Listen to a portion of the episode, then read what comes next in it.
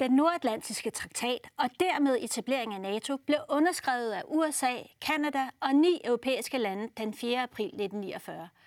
NATO kan dermed fejre sit 70. 20. år i år. Men NATO er ude i politisk bølgegang, og fejring på dagen i den store stil udebliver i første omgang. Hvad er status for NATO i 70-året for etablering? Hvorfor er medlemskabet af NATO så vigtigt for Danmark? Og hvordan ser fremtiden ud for NATO og den verdensorden, som den beskytter? Mit navn er Charlotte Flint Petersen. Velkommen til Uffe og Mogens om verden.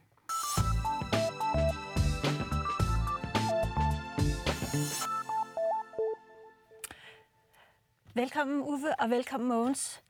Øh, hvorfor var det egentlig, den der fest ikke kommer til at finde sted? Ganske enkelt. De ville ikke have Trump med øh, og risikere at høre på alt det ævl, han kan finde på at sige sådan en, en sammenhæng. Så derfor så skruede man ned for det, så det blev en eller anden sammenkomst af udenrigsministre. Så de venter et par år med at holde fest, måske? Ja. ja. ja. Men øh, Mogens, hvorfor er medlemskabet af NATO egentlig så vigtigt for Danmark? Det er det jo, fordi øh, Danmark Øh, kan ikke klare sig i nogen krig alene, øh, og, og kan heller ikke gøre sit bedste for at afværge krige øh, på egen hånd. Øh, og vi har jo været igennem alle faserne med at overveje, om vi kunne lave et nordisk neutralitetsforbund der i 1948-49, og Øh, til sidst havde vi egentlig ikke andre valgmuligheder for at varetage Danmarks interesser, fordi det nordiske var smukt, men Norge ville vestpå også. Øh, svenskerne ville ikke vestpå, fordi de ville holde Finland øh, fri af for meget russisk indflydelse. Det mente de bedst, de kunne ved at være neutrale. Og derfor så endte lille Danmark med jo faktisk ikke rigtig at have nogen og, og, og, og lave makkerskab med, undtagen at gå ind i NATO. Ja, og du behøver bare at kigge på et kort. Ja. Altså, og så tænke nogle år tilbage i tiden. Hvor var det, Sovjetunionen kunne komme ud på de store have? Det var igennem de danske bælter. Og det var jo en uh, lidt en historisk tilfældighed, at det ikke var russerne, der satte sig på Danmark og bælterne, da 2. verdenskrig sluttede. Det var jo takket være Montgomerys ulydighed, da han sådan pludselig skød frem og sikrede, at det ikke var Marshal Rokossovski, der rykkede op i Jylland. Så øh, geografien tvang os til at have store allierede. Og så øh, det Mogens siger der med øh, at undgå krige, det har jo været NATO's helt store succes, at med NATO, så har man undgået krige. Og med den sikkerhedspolitiske situation, vi har i dag, især i, i vores nærområde, der er det jo også den vigtigste funktion. NATO skal afskrække nogen, læs Putin, fra at lave dumme ting. Men kan man ikke også sige, at vi blev også trukket ind i nogle krige via NATO? Jo, der var et par småkrige, men øh, der var jo især den der øh, krig mod Serbien. Øh, det er rigtigt, der bliver man trukket ind øh, via NATO, men øh, det ligger jo også i, i, i i det her med, med, med, med, med at have sådan en alliance, der jo bygger på en musketeret, en for alle og alle for en, at der skal man stå solidarisk med hinanden en gang imellem. Hvad? Men det er jo klart, at NATO har været en nordatlantisk, europæisk, amerikansk alliance, ikke? Og, og, og vi har jo ikke været enige med USA om alt, hvad der er sket ude i verden. Altså, vi, vi, noget af det første, vi blev konfronteret med, var sådan set, om vi skulle, hvordan vi skulle bidrage i Koreakrigen. Og der er ingen tvivl om, at, at den danske regering også dengang var, var enig i, at det var nødvendigt militært at, at intervenere for at redde Sydkorea. Men man ville jo ikke deltage militært. Og så fandt man den der øh, formel med at sende et hospitalskib afsted. Der var vel også nogle fantaster i USA, der mente, at vi skulle deltage i Vietnamkrigen, men det var der meget, meget få europæiske lande. Var der overhovedet nogen, der deltog? Det tror jeg faktisk ikke. Jo, britterne. Jo, jo. I Vietnam? Ja, i Vietnam, ja, ja. Britterne og australierne. Australierne var der? Ja, britterne også. Uh, men uh, nu lå der jo også i hele NATO's konstruktion, at den nordatlantiske traktat, jamen det var det nordatlantiske område, mm-hmm. og, og det var jo en vældig diskussion, det der, man kaldte out of area, ja. fordi uh, NATO-forpligtelsen, den stoppede jo der, hvor hvor det geografiske område Nordatlanten stoppede. Så derfor var der jo ikke tale om forpligtelser til Vietnamkrig eller Koreakrig eller, eller andet. Og det er faktisk først efter den kolde krig ophørte, øh, der mm, fik den der diskussion out of area, der fik den så en helt ny dimension. Og NATO har jo øh, ageret mange steder uden for det oprindelige område, og vil sandsynligvis gøre det i fremtiden også, hvor, hvor sådan noget som Mellemøsten jo vil blive ved med at være et sted, som ligger lige uden for Europas dørtrin og skaber vældige sikkerhedsproblemer for os. Men kan man forestille sig for eksempel, at vi også agerer i forhold til, hvis nu Nordkorea lige pludselig, nu er der en topmøde om fred her, mm. og lige om lidt, men, men hvis nu Nordkorea alligevel beskyder USA, er vi så forpligtet til at, at, at hjælpe USA i, i den sammenhæng? Altså, vi er jo forpligtet i den forstand, at hvis et medlem af alliancen bliver angrebet, så er alle andre forpligtet til at hjælpe det medlem. Øh, det er det, man kalder en artikel 5-situation. Og det var det, der skete med 11. Øh, september, ja. da USA blev angrebet, World Trade Center blev bombet osv. Jamen, der erklærede de andre NATO-lande jo, at det her, det er en artikel 5-situation. USA er angrebet. Nu stiller vi os solidarisk med USA. Det kom lige fra hoften, lige så snart det var sket. Det gjorde det, og ja. Var faktisk du var ovenikøbet udenrigsminister til det udenrigsministermøde, hvor, hvor, hvor det også var et tema. Men med, lige efter den 11. september. Men det, som var problemet, øh, må man jo så sige, når man kigger tilbage, det var, hvem var det, jo, hvem var det vi var solidariske imod? Ja. Altså, da, da den uh, artikel 5-erklæring blev afgivet, der var der ikke nogen, der havde defineret, hvem fjenden var. Og det vidste vi jo heller ikke. Nej, vi vidste det ikke. Vi og, vidste bare, at USA var angrebet. Ja, ja. Og så, men, men det betød selvfølgelig også, at da man så identificerede, at det her var al-Qaida, og de var beskyttet i Afghanistan, og Bush-regeringen startede en krig øh, i Afghanistan, så følte et samlet NATO sig jo ja. i den konflikt, i modsætning til Korea, Vietnam, ja, ja. Irak, øh, forpligtet øh, til at bidrage på en eller anden måde. Og der, der har jo været en betydelig NATO-koordinering i, i indsatsen i Afghanistan. Men den der musketerhed, lad os lige prøve at blive lidt ved den. Fordi den er jo for et lille land som Danmark, der er den jo helt, helt afgørende. Det er det, man teknisk kalder NATO's artikel 5. Netop den der med, at hvis et land bliver angrebet, så er det alle, der er blevet angrebet. Og den er jo gældende den dag i dag. Og den er jo specielt for et lille land som os, der er den helt, helt afgørende for vores sikkerhed. Og det er derfor, der blev så stor opstandelse, da der pludselig kommer en amerikansk præsident, der for første gang i historien begynder at sætte spørgsmålstegn ved det her.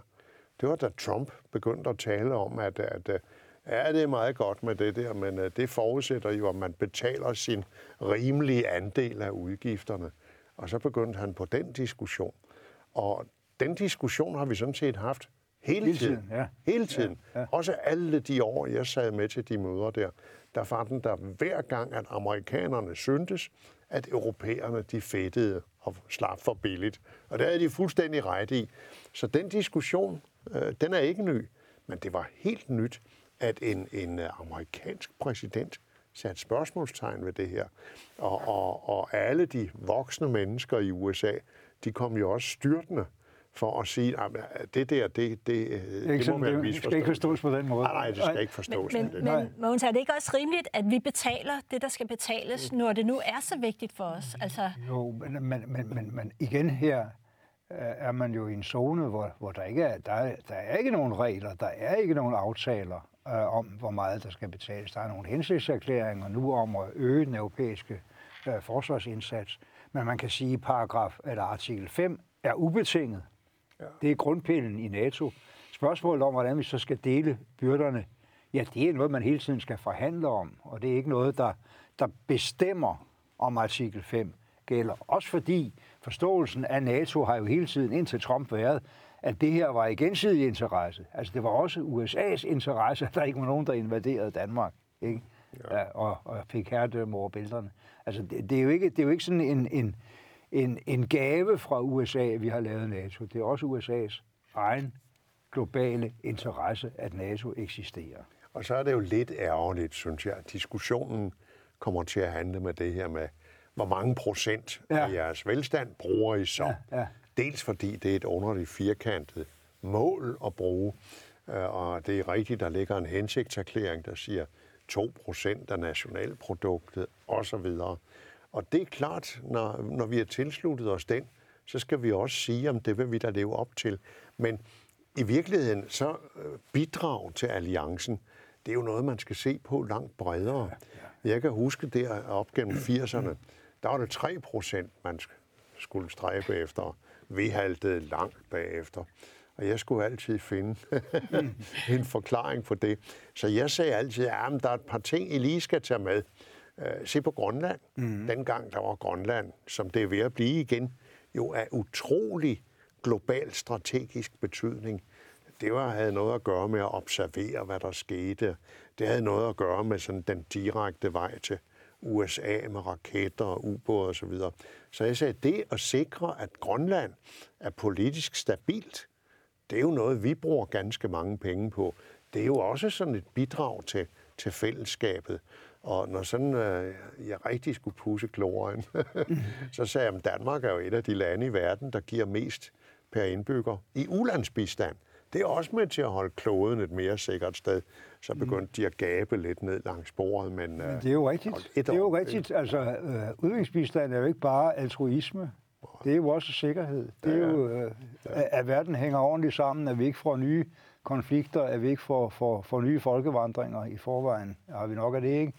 Men, så, så, så det er jo rigtigt, at dansk udenrigspolitik har haft en anden prioritering, men hvis man lægger det hele sammen, og der ja. kunne man sådan set sige forsvaret af Grønland, udviklingsbistanden, ja, så, så har vi ydet et lige så stort bidrag til international stabilitet i alle årene, som jeg havde nær sagt en vildt som helst anden, måske lige bortset fra USA selv. Ja.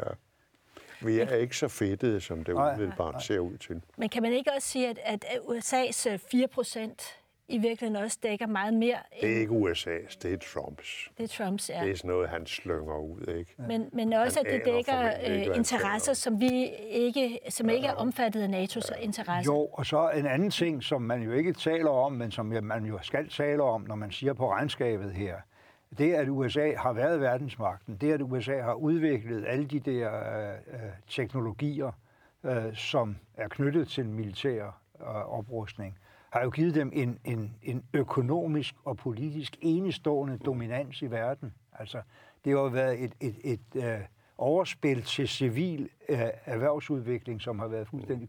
Hvor havde Boring været uden militære kontrakter?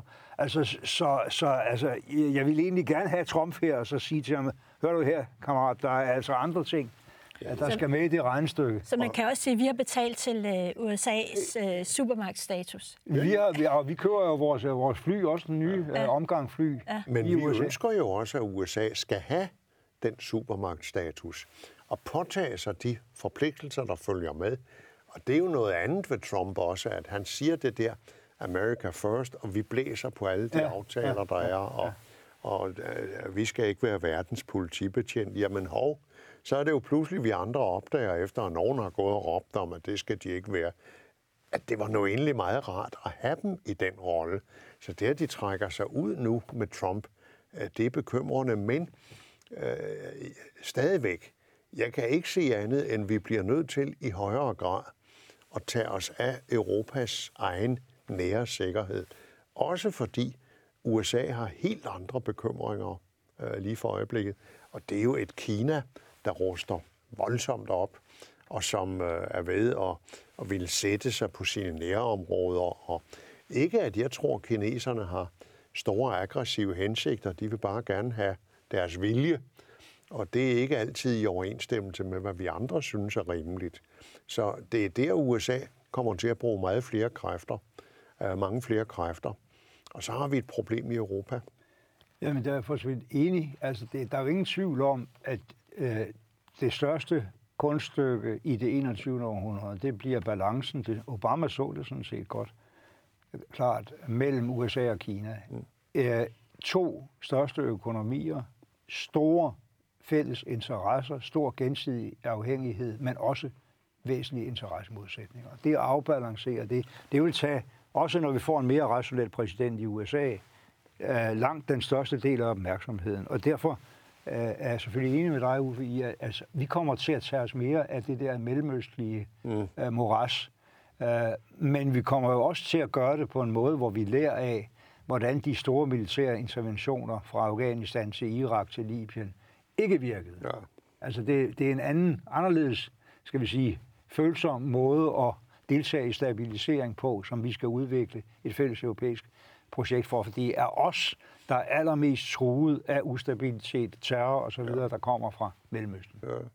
Der har vi sådan set ikke fælles interesse med USA. Ikke på samme måde. Eller? Ja, der, vi har fælles interesse, men, men det er mere påtrængende for os. Ikke? Ja.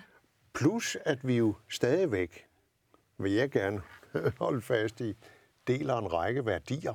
Ja. For det er også noget med værdier at gøre. Altså, vi har ønsker om, om øh, demokrati, menneskerettigheder og alt det, vi sådan lidt flot kalder vestlige værdier, og som jo absolut ikke er dem øh, regimer som Iran og andre i, i regionen, eller Rusland øh, hylder. Ja, for, så der har vi nogle fælles interesser i at beskytte det. For i hvor høj grad har NATO i virkeligheden været skal man sige, garanten for etableringen af den liberale verdensorden? Eller er det en amerikansk verden? Er det det samme? Og, og er, skal man sige, er NATO-alliancen, er det udelukkende demokratiske stater? Er det en forudsætning for at være en del af NATO? Okay, hvis du kigger tilbage på Nej, historien... Ja, ja, jeg skulle lige sige det. Ja. Og hvis du kigger på situationen i dag med Tyrkiet som største ja. militære NATO-magt, Øh, i det europæiske område, så har det i høj grad været tvivlsomt. Men grundlæggende, så har det jo været et meget vigtigt pointe i NATO, og i al retorikken omkring NATO, at det er altså en, øh, en, øh, en værdiernes øh, alliance, og at øh, der ligger den der solidaritet de fe, øh, og Armel-rapport og alt det der. Der ligger altså nogle helt overordnede værdipolitiske elementer i det også. Og det er ikke den amerikanske verdensorden. Det er det, vi kalder den, den vestlige orden. Og det er den, vi selv tilhører, og det er den, vi gerne vil se fortsat blive beskyttet. Ja, altså jeg, jeg synes, man kan sige et par ting om det. Man kan sige, at, at NATO har jo uden al tvivl, ligesom det europæiske samarbejde, men alle de strukturer, der blev skabt på amerikansk tilskyndelse eller under amerikansk lederskab i 40'erne og 50'erne, de har bidraget til, at den del af verden, vi tilhører, de to rige øh, verdensdele, Nordamerika og Vesteuropa, har haft en enestående lang periode af fremgang og fred. Så er det meget er, er i hvert fald sikkert. Men man kan, man kan selvfølgelig sige, at, at der er gået meget akkord med, med det med demokratiet. Helt fra start havde vi en lille fasciststat, der hed Portugal. Oh, jo. Ikke? Vi havde Tyrkiet, som jo kun noget under halvdelen af tiden siden de kom ind i starten af 50'erne, har været demokratisk. Ja. Og, og vi havde Grækenland med fascistiske oberster. Og nu har vi altså også, øh, gud bedre det, øh, Ungarn som et, et, et NATO-medlemsland, der er på vej væk fra demokratiet. Ja. Polen til måske også. Så, så, så, så ja, der er en overordnet hensigt, men den har ikke altid været det, der var det, det, det afgørende. Det afgørende var sikkerheden. Ja. Og det har vi jo stadig brug for. Det har vi jo fået igen.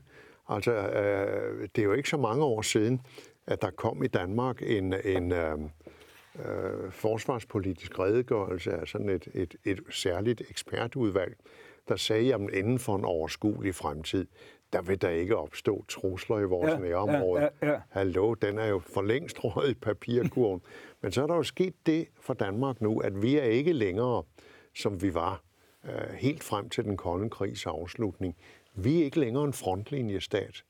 Altså, vi var jo en frontlinjestat dengang delingen mellem øst og vest gik gennem Østersøen. Nu er det rykket længere øst på. Nu er Polen, Estland, Letland, Litauen, de er blevet medlemmer af NATO. Og det vil sige, at det er pludselig der frontlinjen ligger. Og der, det der med solidariteten og musketerheden, det så jeg et meget skægt billede af sidste år, da jeg var oppe og besøge de 200 danske soldater, der var med i NATO's fremskudte styrke i Baltikum. Der var jo tale om, at NATO sendte alt i alt sådan 4-5.000 mand til Estland, Letland, Litauen og Polen, for at ligge der som det, man kalder et vejbump over for Putin.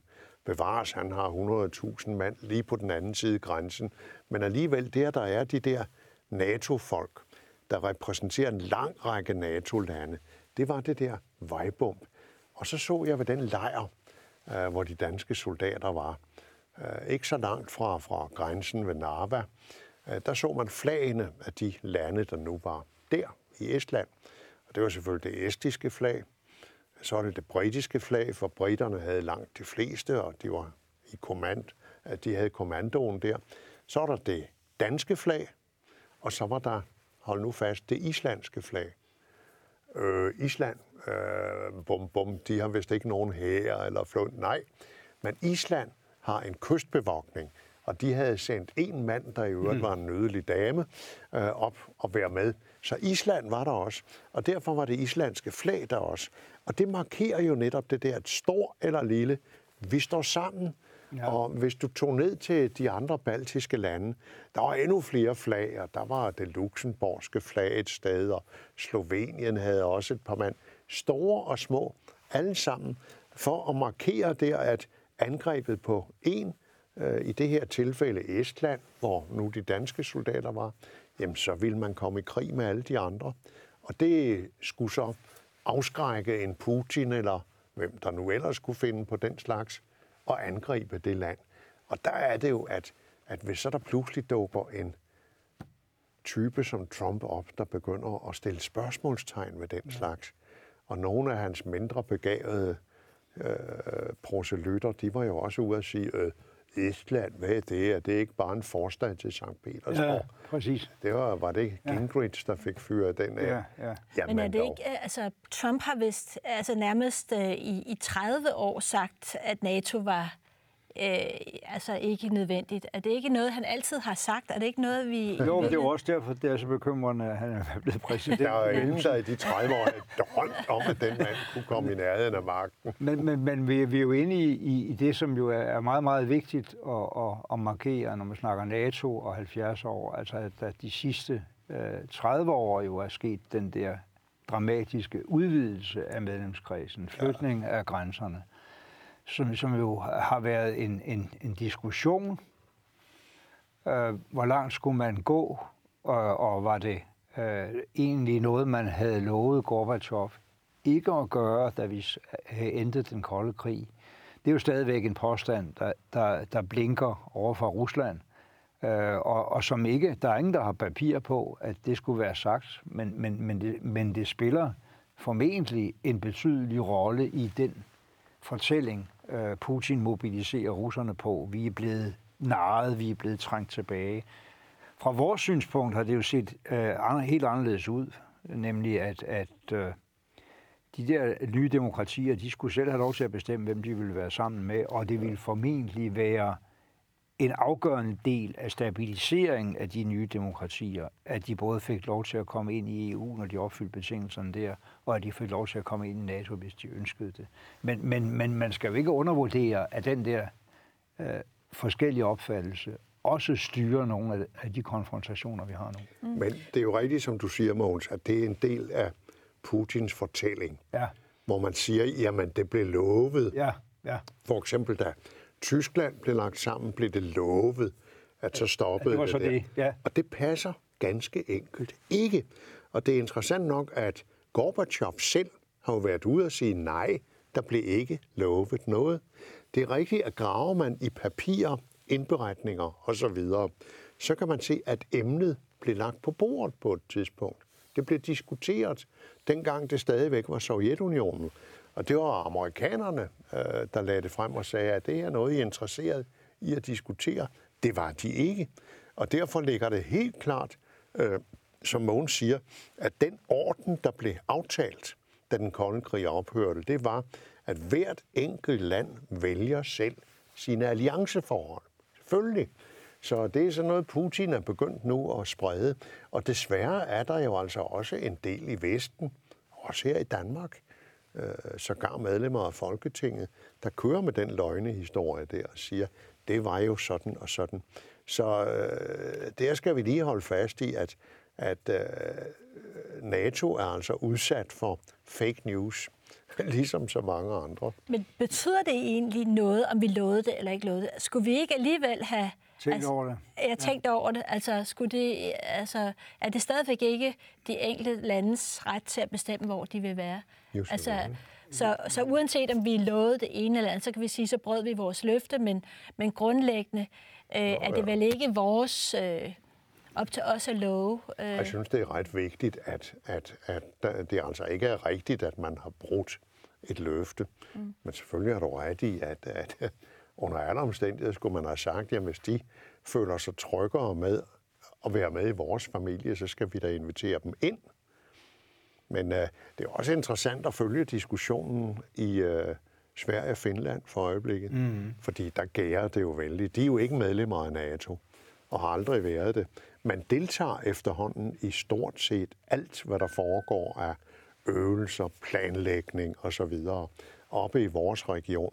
Og hvis du lægger svensk og især finsk forsvar til det, vi andre har i regionen, så er det jo en fantastisk styrkelse. Altså finsk forsvar, det er sådan noget, jeg ja, det har, kigger på hele tiden det, det med misundelse. Det har vi talt om, ja. ja. ja. Ja, de har det største mobiliseringsforsvar i Europa i virkeligheden. Overhovedet, og ja. de har udstyr til dem, ja. og så har de, så er de jo trænede reserver, hvad vi andre først skal til at genopfinde nu. Ja.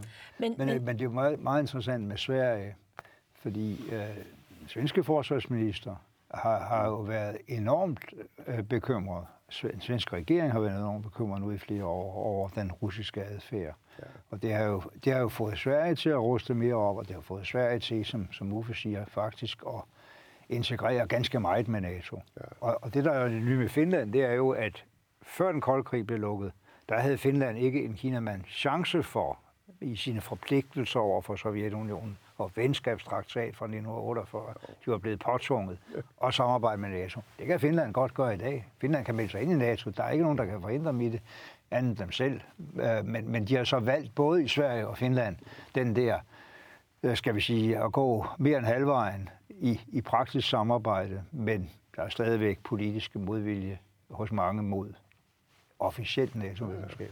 Men det er jo meget sjovt at se, at der er hvert år i Østersøen en stor flådemanøvre, ja. der hedder Baltops. Ja. En uh, NATO-manøvre. Og helt frem til 2008, der var Rusland med i kraft af alle de der uh, samarbejdsaftaler, der var mellem NATO og Rusland. Det var så efter, at de overfaldt Georgien, at så uh, havde de jo diskvalificeret sig selv der. Men der er svenskerne og finnerne, de er med med meget store flådestyrker. Og for et par år siden, der var, gik manøvren ud på uh, at, at prøve at øve, hvordan man skulle hjælpe svenskerne, hvis nu Sverige blev invaderet øh, fra, fra, øh, fra søen. Der var blandt andet amerikanske B-52-fly. Jeg kan huske, når de kom flyvende hen langs den bornholmske kyst på vej til at, at droppe miner ved den svenske kyst for at forsvare svenskerne. Det var jo fuldstændig en ny, surrealistisk situation, som også er med til at, at give svaret på dem, der går og siger, at ah, NATO ikke overlevet sig selv. Nej, det har NATO ikke. Men, men er det ikke overraskende, at NATO overlevede faktisk uh, murens fald, i og med, der lige pludselig var der jo ikke nogen trussel, som du selv sagde oh. i den her forsvarsudredning. Altså lige mm. pludselig var uh, Kina var jo ikke en trussel på det tidspunkt, og Rusland var ikke en trussel. Altså, hvad var egentlig, øh, skal man sige, resonemanget for, at, øh, at at NATO kom videre øh, der i, i, ja, i, i 92. Der dukkede et bonmot op der, og jeg fortalte før om det der out of area-diskussion, hvor man sådan havde den der regel med, at NATO opererede ikke uden for området. Der var der et bonmot, der sagde, out of area or out of business. Og det var jo derfor, NATO så engagerede sig i operationer uden for det traditionelle område, for at få en eller anden ny raison d'être. Og gudske lov for det, fordi tænk, hvis man var begyndt at, at dekonstruere NATO på det tidspunkt der, øh, så havde vi ikke haft det i dag, hvor vi pludselig har fået brug for det igen, sådan rigtig for alvor. Og så i, i, i din øh, regeringstid, der var vi jo også, gik vi ind i, i, i Kosovo sammen med NATO. Ja, ja. Men det var, det var jo i virkeligheden en, en lidt anden øh, fortælling, end den man oprindeligt ville knytte til NATO, eller i dag øh, især vil knytte til NATO. Nemlig, øh, at, at invasionen, eller ja, angrebet på, på eks-Jugoslavien på grund af Kosovo, var jo i virkeligheden begrundet med Øh, responsibility to protect, som det hed. De hele diskussionen, vi havde efter folkemordet i Rwanda. Hvorfor står verden bare og kigger på, der sker så voldsomme grusomheder? Her havde vi en situation, hvor, hvor diktatoren i Jugoslavien, Milosevic, var ved at smide den muslimske flertalsbefolkning i Kosovo ud, fordrive dem fra, fra deres land. Øh, og, og, og, og, og, og, og i virkeligheden var aktionen, som jo i høj grad var drevet frem af Madeleine Albright som amerikansk udenrigsminister på det tidspunkt, uh, meget humanitært begrundet. Man kan altid bagefter spørge, var det så rigtigt, og hvordan gik det, og alt det der. Men, men, men det var jo ikke sådan normal sikkerhedspolitik. Det var ikke nogen russisk trussel, vi snakkede om der, vel? Nej, men uh, nu var du jo i regering dengang. Ja. Du var vist ikke nået at blive udenrigsminister Nej, nej det var ikke. Ja. Men det er jo klokkeklart, at der var ikke skyggen af øh, FN begrundelse for at gøre det. Du kan sige, at der lå nogle principper, som var blevet brudt. Der var ikke tale om, at der var noget som helst aftalt i FN's Sikkerhedsråd, nej, nej. blandt andet fordi russerne jo spændte ben for det, og russerne forsøgte jo også at spænde ben for hele operationen. Altså der var den der absurde situation, hvor de besatte lufthavnen i Kosovo i, i, øh, i, Kosovo, i Pristina, og, og der var lige ved at udbryde kamp der. Og jeg kan huske, den det var, jeg tror, det var den britiske general, der øh, på det tidspunkt stod for at skulle rydde lufthavnen. Man sagde, jeg vil sgu ikke starte den tredje verdenskrig her. Så han holdt soldaterne tilbage og sendte vand ind til russerne, der sad der og tørstede, øh, fordi de var kommet så hurtigere steder, de havde glemt at tage vand med. Men der var jo virkelig en spændt situation mm. der, men øh, der var ikke skyggen af FN-grundlag for det der. Og i den der øh, øh, redegørelse, der lige er kommet for Danmarks deltagelse i krige, der bliver det jo også sagt meget klart. Ja, ja. Det var der ikke. Der er heller ikke nogen, der har påstået nogensinde, at der var et Nej, man har prøvet at snakke om noget andet. Ja, ja. Men, men der er faktisk ikke nogen, der har... For det var jo klart, vi ja. havde et russisk veto mod nogen form for, for. FN aktion. Og man kan sige, at uh, der er også hele historien om, om var det uh, Evgeni Primakov, der ja, ja. vender om i luften, da amerikanerne bomber Beograd. Ikke? Så, så der blev lagt noget... Uh, der blev lagt kimen til sådan en, en vis uh, uenighed. Men du det. så jo også i eks-Jugoslavien, hvordan det havde været FN-styrker, der var dernede, og vi havde FN-styrker dernede. Og, og de blev elendigt behandlet af først og fremmest serberne. Kroaterne havde nu også en finger med i spillet. Men uh, så på et tidspunkt overtager NATO-rollen. Og så skal jeg love for, at der bliver givet smæk uh, de steder, hvor, hvor de ikke har opført sig ordentligt. Så det viser jo også, at der var NATO meget rar at have mm. i sådan en situation. Ja, man kan sige, det er endnu skarpere. Altså, et FN stod på grund af for svagt mandat og for svagt tilstedeværelse ja. passivt og så på massakren i Srebrenica. Ja. Og, og på et flereårigt bombardement af civilbefolkningen i Sarajevo. Og det var først, da amerikanerne ja. satte uh, bombefly ind, ja. uh, at, at, at der kom en forhandling, der, der stoppede den der forfærdelige konflikt. Ja, så du kan... så, hvordan øh, FN, fredsbevarende styrker, blev taget som gisler ja, rundt ja, omkring. Ja, ja, ja. De blev taget som gisler nogle steder rundt omkring i Bosnien. Så det var absolut på tide, at, at NATO blev, blev sat i anvendelse der. Så man kan egentlig sige, at øh, man sige, det er jo her, at uh, USA og NATO sådan set be, altså begyndte at varetage sin opgave som politimand, også uden for ja det, som i virkeligheden er øh, den rene forsvarsmæssige dimension, ja. men i virkeligheden også er en menneskeretlig eller en humanitær situation. Mm. Øhm, men altså nu, som vi har talt om tidligere, så øh, har vi Trump i det hvide hus, og han øh, har haft svært ved at bakke op om artikel 5. Øh, og nu er forsvarsminister Mattis, altså som en af de sidste voksne, ja. øh, ude. Hvordan ser det egentlig ud øh, her i 70-året i forhold til, til, til sammenholdet i alliancen? Altså umiddelbart ser det jo fortvivlende ud. Og, og, og fører os også til den mærkelige situation, at en 70-års fødselsdag for en, egentlig en stor succes at den sådan bliver dæmpet ned, fordi man ikke vil have øh, hovedpersonen til at fylde for meget. Men altså, når du snakker med amerikanere, der er involveret i det her, så er det jo, du bliver mindet om, at der er et andet USA. Mm. Øh, vist står Trump stærkt i kraft af, at hans republikanere ikke rigtig tør bevæge sig imod ham.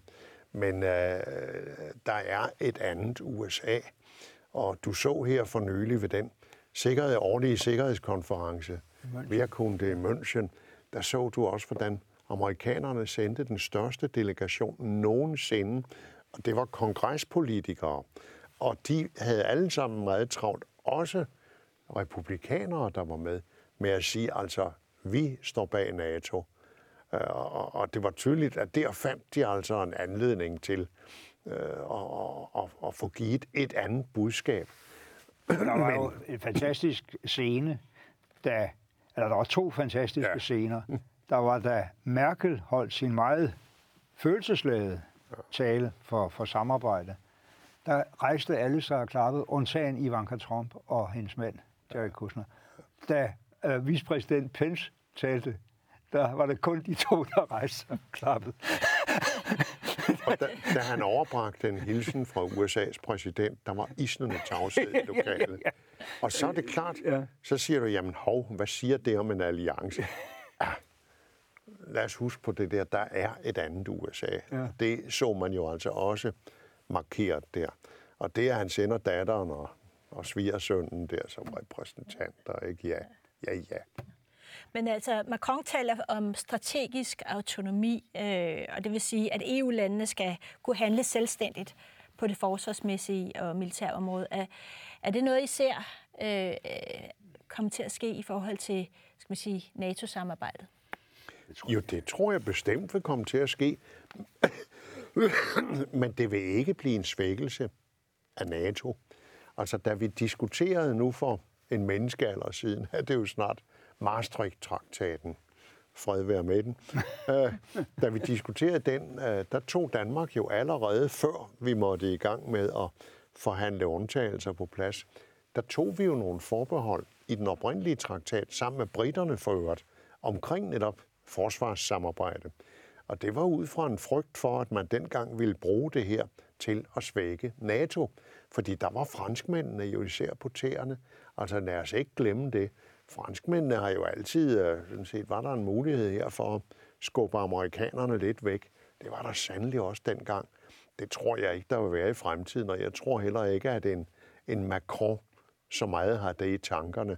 Når jeg laver et skjold mod en Bush, øh, undskyld, mod en Trump og de tendenser, ja, måske, men stadigvæk fransk politik har jo også bevæget sig. Men der, der er jo simpelthen ikke basis for at lave sådan egentlige militære konkurrerende eller supplerende strukturer. Det vil blive sådan noget ad hoc samarbejde, ja. man laver på, på forsvaret. Men der var jo, der var jo en forhistorie her, øh, som, som jeg havde lidt tæt på den korte periode, var udenrigsminister. Det var jo den der Saint Malo-erklæring, som mm. Blair og Chirac, var det vel, ikke? Ja. Øh, kom med om, at man skulle opbygge en, en, en særlig øh, europæisk udrykningsstyrke. Mm. Hvad der i og så var en meget god idé. Jeg kan huske, at Kofi Annan sagde til os, på, på, hvor han kom til et møde med europæiske udenrigsminister der i 2001 om sommeren, det der håber jeg sandelig bliver til noget, fordi hvis I har sådan en udrykningsklar styrke i Europa, så vil det være det mest kvalificerede, det bedste og det hurtigste bidrag, vi også kan abonnere på til FN øh, fredsbevarende operationer. Så altså, og, og når man så tænker på det, vi var inde på lidt tidligere her i udsendelsen, øh, at Europa kan få en, en helt anden type rolle i, det, i Mellemøsten og Nordafrika, end vi har haft hidtil, ja, så, så er det jo godt være, at en eller anden variant af det projekt mm. genopleves. Du har jo også set, hvordan man forsøgte inden for EU's forsvarspolitiske samarbejde at lave de der såkaldte battle groups, ja. hvor der blandt andet var en Nordic Baltic Battle Group. Og det var ganske interessant at se, hvem leverede tropper til den battle group. Det gjorde Sverige, Finland, Norge, ja. Sverige og Finland, der ikke er med i NATO, Norge, der ikke er med i EU, Estland, Letland, Litauen, Polen og Irland, der ikke er med. Ja. Absolut ikke er med i NATO eller noget andet. Øh, Danmark var selvfølgelig ikke med, fordi øh, vi står jo fint uden for alt det der. Men øh, du havde sådan en battle group, der for, faktisk var formeret, og de havde et hovedkvarter oppe i øh, en øh, svensk øh, by, der ligger ved nord, nordspidsen af Vätternsøen. Der havde de øh, i Karlsborg der, der havde de hovedkvarter. Det var meget skægt, men at de kom aldrig rigtigt til at fungere. Det fungeret, og så kommer den der uh, Saint-Malo-historie der, hvor britterne jo er med. Ja. Og, og der kan meget vel ske noget nu, alt afhængig af, hvordan den der ulyksalige Brexit-historie kommer til at forløbe, hvor man netop for at holde fast i britterne ja. i sådan noget, begynder at genopleve nogle af de ting der. Og jeg er enig med Mogens i, at det vil være meget fornuftigt at gøre det. Også fordi det er et sted, så nogen som svenskerne og finnerne kan være med meget mere, end de ellers har været med. Men, men der er jo stadigvæk en, en meget dyb kløft mellem USA og Europa lige nu. Altså blandt andet også over handelspolitiske tiltag, over Iran, over ensidige udmeldelser øh, for eksempel, at man trækker sig ud af Syrien, øh, muligvis Afghanistan, mm. altså, eller trækker sig fra INF-traktaten. Ja. Altså, de her, øh, skal man sige, hvor man ikke hører sin allierede i, i de beslutninger, man på Twitter skal læse, at øh, nu sker der det og det. Ja, altså, så længe Trump sidder, så får vi jo de der uh, ustandslige bum på vejen og ustandsligt tvivl om, hvad, hvad, hvad går det hele egentlig ud på. Derfor er der, der er jo to forskellige scenarier her. Det er, at det der bliver normaliseret, og han får lov til at fortsætte, hvad Gud forbyde. Uh, det andet er jo, at ja, der er det andet Amerika. Det bliver ikke måske det samme som før, men det bliver anderledes uh, gensidigt øh, resonerende øh, samarbejde, vi får i NATO. Næsten ligegyldigt, hvem der kommer i stedet for Trump. Så man er nødt til at, at skille det der ud fra hinanden og sige, mm. det, jamen, det der, det kan vi ikke håndtere, det kan aldrig blive fornuftigt, øh, men man må håbe, der ikke er for meget, der går tabt ja. undervejs til hans afgang. Ja. Og så gøre, hvad vi overhovedet kan, for at holde fast i nogle af de grundlæggende ting. Ja. Altså det er jo i Danmark soleklare interesse at gå ud og sige, vi har NATO, vi er medlem af NATO, vi vil knæme gerne gøre en ekstra indsats for at vise, at øh, NATO betyder noget for os, at vi er et solidarisk medlem. Og så i øvrigt håb på, at øh, USA begynder på et tidspunkt at opføre sig normalt igen. Men vi har ikke råd, efter min mening, til at begynde at tage det for alvorligt og indrette os direkte konfrontatorisk på, hvad en Trump går og foretager sig. Nej, fordi lige nu der kommer hele spørgsmålet omkring atom, øh, altså, øh, atomaftalen. Ja, altså, ja. Trump vil trække sig fra INF, INF-aftalen, og det er en aftale mellem Moskva og, og Washington, og det er ikke en aftale mellem NATO og, og, og, og Moskva. Så det er han sådan set i sin gode ret til, og der har jo også været sådan, at, at russerne har formentlig øh, ikke overholdt traktaten, så, så på den måde er der jo også en ræson i at, at ligesom at melde klart ud. Men... Jamen, der, er, der er jo to ting at sige til det der, at, at, at det ene er, nej, traktaten er ikke blevet overholdt, og Trump er formentlig heller ikke på den amerikanske side tilbøjelig til at overholde den, selvom russerne skulle mod forventning gøre det. Men vi, men vi har jo også brug i den post-Trump-periode, der forhåbentlig kommer snart, at tænke nyt omkring øh, våbenkontrol. Og tænke nyt, øh, øh, både at få en ordentlig dialog med russerne, fordi de har jo heller ikke ubegrænset oprustningspotentiale, altså den russiske økonomi kan blive overanstrengt øh, en gang til, han har sagt. Øh, men også forstå, at de der våbenbegrænsningsaftaler, der er en tredje part, der er uundværlig, og det er Kina. Mm. Altså, da de her aftaler blev lavet, spillede Kina jo ikke nogen rolle. Da du var udenrigsminister, spillede Kina jo ikke nogen rolle i de sikkerhedspolitiske overvejelser i verden. Og da den her aftale om netop at afskaffe de her mellemdistancevåben, som jo var det store stridspunkt i Europa, undskyld, i, i 80'erne, jamen der spillede Kina nemlig en rolle. Det gør de i dag, og det interessante er, at mens der har været den her aftale imellem Rusland øh, og, og, og USA, Øh, og hvor USA så har undladt at producere nye typer af mellemdistancevåben. Der har Kina øh, produceret de her våben i store mængder, og med hele den nye strategiske situation, der er skabt omkring det sydkinesiske hav, forholdet over mod Japan og Sydkorea, jamen der er det pludselig nogle våben, der får en, en strategisk betydning, der i mange situationer kan sammenlignes med, hvad vi havde i Europa i gamle dage. Så jeg er enig med Mogens, at det ønskelige, det er, at øh, Kina og meget også gerne øh, Indien og Pakistan kommer med i sådan en aftale. Det er jo bare lidt utopi at tro på, at det kan lykkes.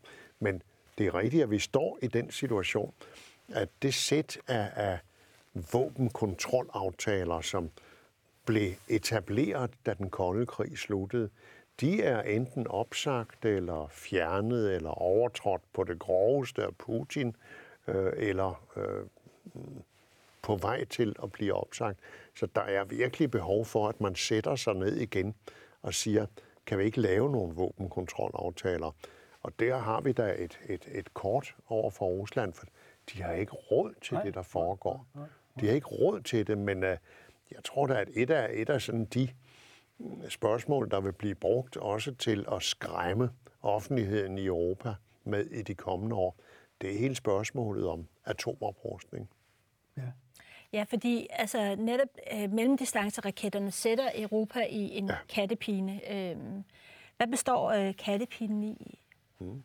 Jeg, kan, jeg, jeg synes, vores forsvarsminister Claus Hjort var, var lidt, lidt øh, hurtigt ude med at sige, at det kunne godt være, at man, man, man skulle annoncere på, på løftet om ikke at være førstegangsbruger af atomvåben. Og det er i hvert fald en diskussion, der udpeger problemets kerne. Er der nogen af parterne, der kunne finde på at starte en krig med atomvåben i Europa?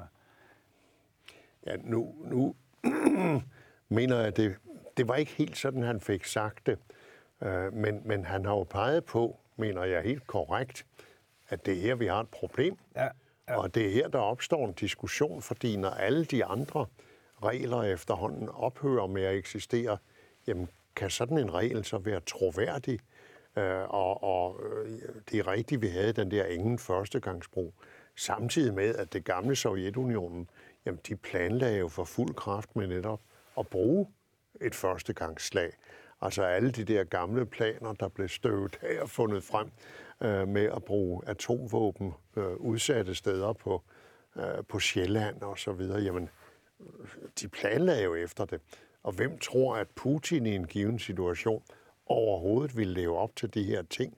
Og det er derfor opgaven på sin vis er, er lidt vanskeligere i dag, end den var øh, dengang i slutningen af den kolde krig, da det var en Gorbachev og en Reagan, der skulle sidde og i gensidig tillid, som jo efterhånden voksede frem, så at prøve at, at lave de der aftaler.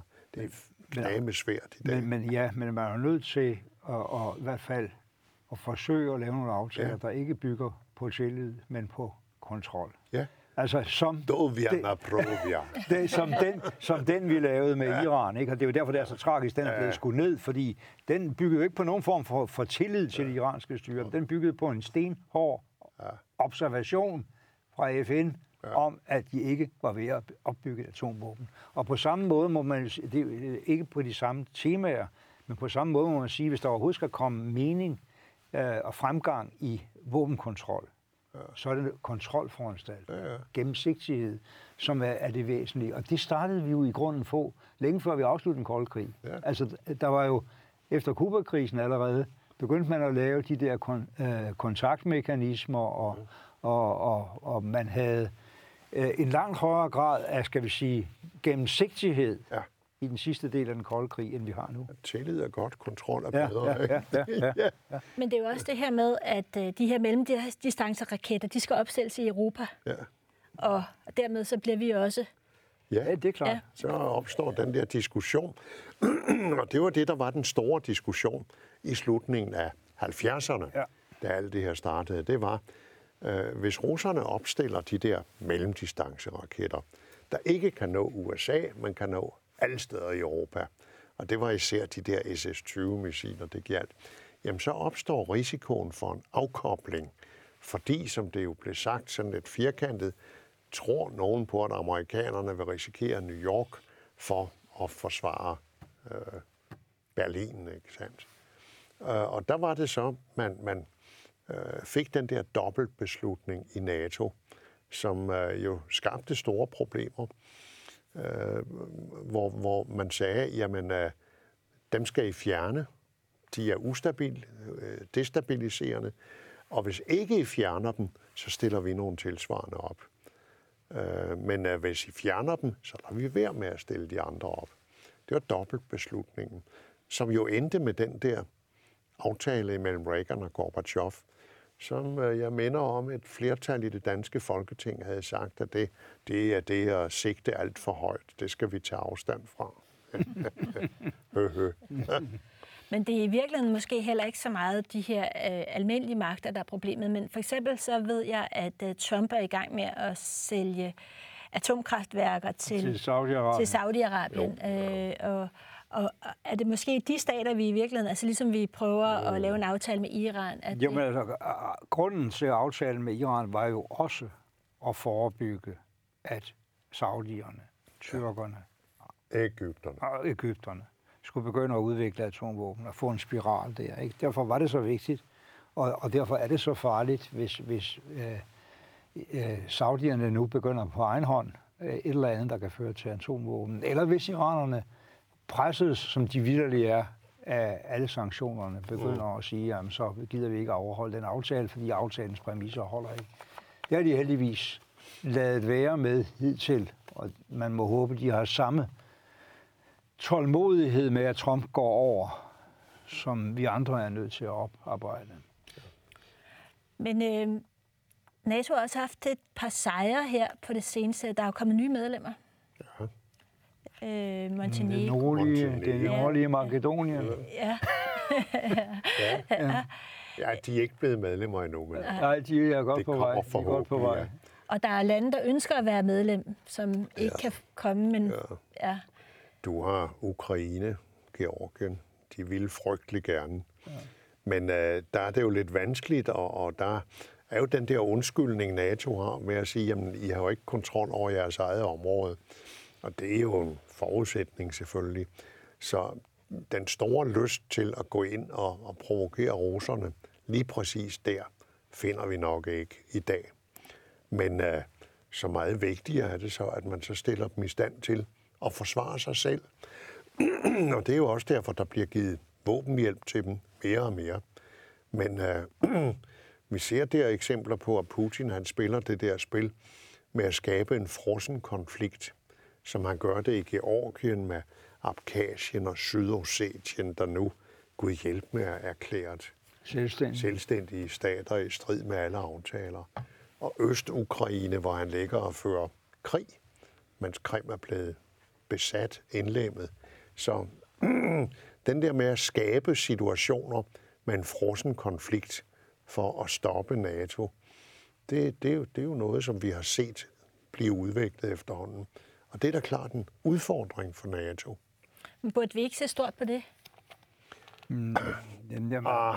Argumentet om, at man ikke kan optage et land, der ikke har veldefinerede grænser, fordi hvad er det så, man skal forsvare? Skal man så generobre Krim øh, ja, og det, det. det østlige Ukraine? Øh, eller skal man sætte sin lid til, at der trods alt på et eller andet tidspunkt opstår en forhandlingssituation? Ja. Øh, og, og, og det mener jeg nu nok er, det klo- er langt det klogeste. Altså, vi kan da ikke blive enige om i NATO at optage Nej. Ukraine og Georgien. Nej, fordi så bliver man del af en konflikt, ja. der for øjeblikket ja. er. Og, og det, der er tale om i Ukraine, det er jo regulær krig. Ja. Altså man kalder det alt muligt andet, men det er en krig, der foregår der. og du får ikke NATO til, som situationen er i dag, at sige, den, dem tager vi med ind, og dermed bliver vi part i den krig. Nej. Og så er der så øh, hele spørgsmålet om, øh, skal man sige, de folk, altså de NATO-medlemmer, som flirter med Putin, ja. altså Italien, Orbán. Øh, hvad betyder det egentlig for, for NATO's fremtid, at, at du har inde i alliancen, øh, Tyrkiet til dels, øh, altså medlemmer, som på den måde... Øh... Jeg synes, det, der sker i Italien for øjeblikket, det er dybt bekymrende. Hvor ham der Salvini, der mm. står til at blive stor sejrherre, sejrherre ved næste valg, hvor han jo åbenlyst flotter med Putin og laver aftaler om partisamarbejde. Der er jo rygter om, at han får økonomisk bistand, ligesom fru Le Pen får det i Frankrig fra Putin. Så det er da dybt, dybt bekymrende. Men uh, indtil videre må man jo forlange, at, at et land som Italien og de andre, der flørter med det der ting, at de opfylder deres forpligtelser, både i NATO og i EU. Og det øjeblik, de ikke gør det, så er det klart, så må man finde ud af, hvordan man så kan sanktionere dem på en eller anden måde. Det er klart, det er et kæmpe problem, at så stort land som Italien jo. er en usikker brik i, i, i, i øjeblikket. Nu, nu tror jeg jo ikke, at, at italiensk politik er en uforanderlig størrelse. Øh, det har det i hvert fald ikke været hidtil. Så, så man kan håbe, at det også er noget, der går over. Øh, men, men det er klart, at Orbán er ikke noget, der nemt går over, fordi han har indført autoritært styre i Ungarn. Han er meget, meget svær at fjerne, og han flytter fuldstændig hemmingsløst med Rusland. Til gengæld er det jo sådan, at, at, at Polen er godt nok også har et kedeligt styre og en kedelig udvikling af demokra- væk fra demokratiet. Men, men jeg forestiller sig, at polakkerne indgår et, et nærmere samarbejde med Rusland. Nej, nej. Det er nok ikke tænkeligt. Nej, og der har jo været de der møder, hvor Salvini fra Italien ja. har forsøgt at slå sig op som lederen af sådan det, ja, ja. Øh, det nye øh, øh, antiliberale øh, Østeuropa, der skal laves en Warszawa-Rom-akse, har han talt om, ikke sandt? Ja, han fik jo en kold skulder, da han øh, i Warszawa netop begyndte at tale om de her ting. Ja. Så der vil jeg tro, at polakkerne, de skal nok holde fronten. Ja, de er jo nærmest, øh, de er nærmest overdrevet paranoid over for Rusland. Altså, ja. øh, øh, øh Kaczynski er jo, er, har jo stadigvæk den der teori om, at når hans bror, tvillingebror, omkom i Katynskoven, ja, i Smolensk, ja. så var det så russisk uh, attentat. Det er der sådan set ikke rigtig andre, der tror på. Men, men, men, men nej, det tror jeg faktisk ikke. Det, det er nok en manipulationsteori, der er ud over alle grænser. Men, men det siger bare, at det bliver i hvert fald ikke Polen, der, øh, der går øh, med Putin, men, men de går forkert på en lang række andre punkter. Tak Uffe, og tak Mogens, og tak fordi I så med i denne udgave af Uffe og Mogens om verden.